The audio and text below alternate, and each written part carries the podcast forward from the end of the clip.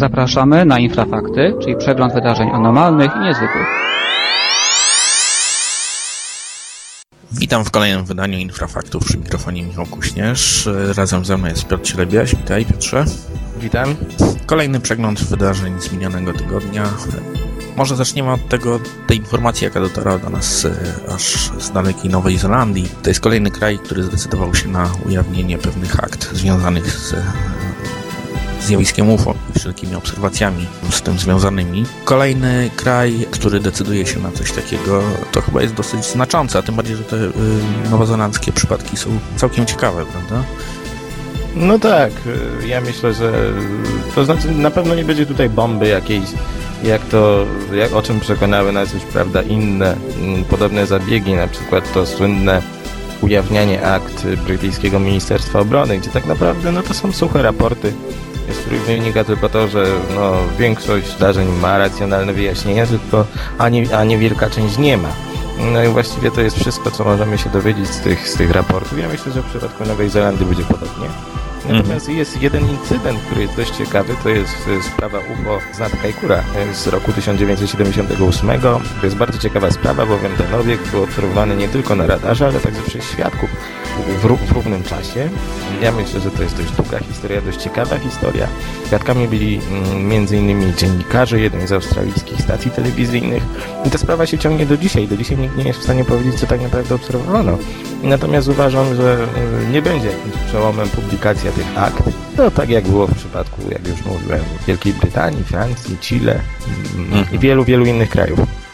No właśnie, bo znaczy to, tutaj dla początku tylko powiem, że te akta obejmują okres od 79, 1979 do 1984 roku, także jeszcze pozostaje ten cały okres y, późniejszy y, do ujawnienia, ale no myślę, że jednak jest to ważny, y, że tak powiem, gest ze strony, to wojsko, prawda, ujawnia.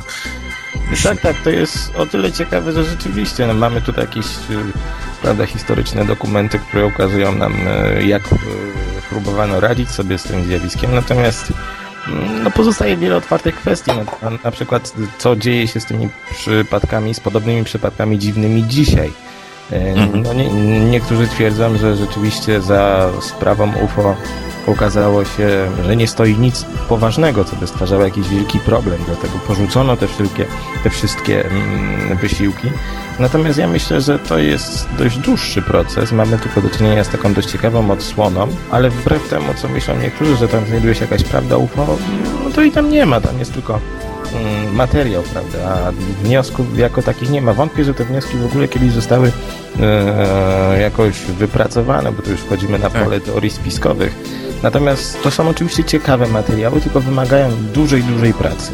Hmm. Nad nimi dużej prawda, pracy badawczej i interpretacyjnej. Dokładnie, no to też jest wątpię, że abyśmy poznali wnioski, bo to raczej jest taki suchy zapis różnych relacji. No swoją drogą ciekawe, jak to się rozwinie w kontekście innych e, państw, w kontekście też polskim, bo e, my mieliśmy takie, e, że tak powiem, pseudo-ujawnienie, prawda? Znaczy chodzi mi o relację pana pułkownika Grunmana, który się rzekomo zajmował tym w, w Ministerstwie Obrony ale tak naprawdę teraz się mówi o tym, że Polska nie posiada tak naprawdę żadnych UFO akt. To znaczy, to jest dość skomplikowana sprawa. Ja myślę, że kiedyś uda nam się przeprowadzić na ten temat mm, rozmowę z osobami, które próbowały zgłębić te, te przypadki. Oczywiście wojsko się tym interesowało, natomiast w kwestii akt, no nie wiadomo gdzie one są. Y, jedni mówią, że były, inni, że były w takiej formie niezorganizowanej, natomiast no, sprawa jest rzeczywiście warta uwagi, bo możemy się paru ciekawych rzeczy dowiedzieć. Tak, to może przejdźmy teraz e, do kolejnego tematu. W zeszłym tygodniu bodajże odbyło się spotkanie e, brytyjskiego Towarzystwa Królewskiego poświęcone właśnie życiu pozaziemskiemu. My żeśmy o tym pisali trochę, o pewnych e, wnioskach z tego wynikających. E, no i właśnie między innymi poruszono tam też kwestię związaną z tym, w jaki sposób, że tak powiem, światopogląd religijny może mieć związek powiedzmy ujawnieniem e, życia w kosmosie. To jest takie zagadnienie, którym, nad którym wiele osób się głowi już od jakiegoś czasu. Nawet Watykan z, zabrał swego czasu głos e, w tej sprawie, mówiąc, że jakby istnienie życia pozaziemskiego stoi w konflikcie z e, wiarą.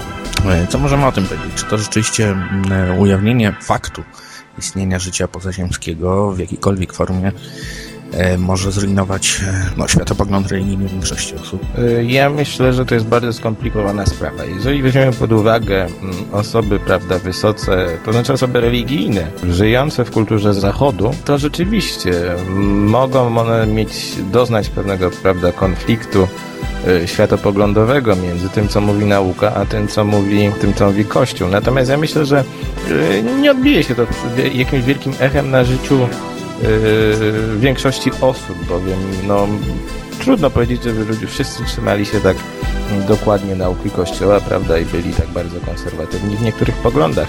Natomiast ja myślę, że mm, w kwestii samej nauki Kościoła rzeczywiście mogłoby się coś zmienić, bowiem chociaż Kościół jest taki miękki, jest jak plastelina, to znaczy zawsze potrafi tam e, dopasować jakąś nowość, tak, do, do nowych em, realiów i tak dalej. Natomiast myślę, że pewne sprzeczności na pewno by się pojawiły. Były to sprzeczności natury, prawda, tutaj raczej no, religijnej, dogmatycznej. Nie wchodźmy może w szczegóły, bowiem e, no, Kościół chyba sam będzie musiał sobie z tym poradzić. Natomiast ja myślę, że rzeczywiście mógłby być pewien problem. Na przykład to, że kosmici mogą być z, zwyczajnymi poganami, nie nic i co wtedy z nimi robić. Ja słyszałem kiedyś takie głosy nawet, że Kościół powinien katechizować kosmitów, to jest zupełna głupota, bowiem Kościół rzeczywiście może odnieść, to znaczy może, może e, mieć pewne problemy, mm, jeżeli się okaże, że obok nas są inteligentni kosmici, którzy, kto wie, może posiadają znacznie większą wiedzę o wszechświecie niż, nam, niż my. No najgorsza, najgorsza z możliwych scenariuszy to nie taki, że najgorszy z możliwych scenariuszy zakłada, że e, domniemani kosmici zaczną nam przekazywać wiedzę. I co wtedy? My możemy być zupełnie nieprzygotowani na to, co oni chcą nam powiedzieć. E, Natomiast myślę, że to jest jeszcze długa droga, to jest nawet bardzo długa droga. To się na pewno nie stanie jutro, mm, bowiem na pewno mm, jako pierwsze mm, zostaną odkryte prymitywne organizmy i i taka forma życia pozaziemskiego no, może nie wywołać jakiegoś wielkiego wstrząsu. No nie, Natomiast- nie zagraża, że tak tak, natomiast w, przyp- w przypadku jakichś istot inteligentnych, prawda, bardziej rozwiniętych, tutaj no, rodzą się zupełnie nowe scenariusze, ale jeżeli mówimy już o innych religiach, one są troszkę inaczej zorientowane na te sprawy. To znaczy, myślę, że islam na przykład, buddyzm, hinduizm zupełnie inaczej by do tego podeszły, bo są Mhm. po prostu mniej zinstytucjonalizowane. Dlatego myślę, że na przykład islam, hinduizm troszkę inaczej przyjęłyby takie, takie informacje. Z jednej strony, że zawierają one w sobie pewne wskazówki dotyczące życia na innych planetach, to znaczy nie są to jakieś jakieś informacje, które mogłyby tutaj poruszyć e, naukę, ale są to pewne wskazówki odnośnie światopoglądu. Mm, Dlatego myślę, że to jest bardzo ciekawa kwestia, natomiast trzeba nad tym pracować, bo, bo rzeczywiście nie jest to scenariusz już e, z filmów fantastycznych, tylko po prostu coś, co może kiedyś stać się rzeczywistością. Tak. No, z pewnością największy problem będzie Kościół rzymskokatolicki, tak jak wspomniałeś. E, No, przekonamy się tutaj e, też, tak jak mówiłeś, no, ta postawa trochę się zmienia wraz e, z pewnymi kolejnymi odkryciami naukowymi. E, Zobaczymy. I może przejdźmy jeszcze mm, do jednej sprawy, która się pojawiła w tym tygodniu. Otóż ukazał się film e, przedstawiający dziwny obiekt przylatujący na nocnym niebie, rzekomo sfilmowany e, w Dublinie, w Irlandii. No, wywołał niemało sensację e, z tym, że w jakiś czas później się okazało, że nie jest to wcale nowy film i wcale nie jest z Dublina, wcale nie z tego roku. Pojawiły się różne e, sprostowania, że tak powiem. I pozostają dwie wersje. Jedna czy jedna. Film jest rzeczywiście bardzo ciekawy, prawda? Widziałeś go pierwsze. E, Tak widziałem, ale muszę Ci powiedzieć, że mm, jest to, on- jest on wykonany na, e, po prostu w podobnej formie jak setki innych filmów na YouTubie. Ja no niestety nie uważam, że jest jakiś przełom. Wydaje mi się, że mm, uczyniono troszkę za dużo szumu. To znaczy szum jest dlatego, że sprawę nagłośniły no, duże stacje telewizyjne przede wszystkim. Tak, tak. No, Z tym, że no, y, jakby te najnowsze sprostowania dotyczą tego, iż albo było to sfilmowane w, w Iraku, albo gdzieś tam w Stanach Zjednoczonych, znaczy prawdopodobnie mamy tutaj do czynienia, e, bo to jest e, film przedstawia przelot e, takiego trójkątnego obiektu ze światłami na spodzie.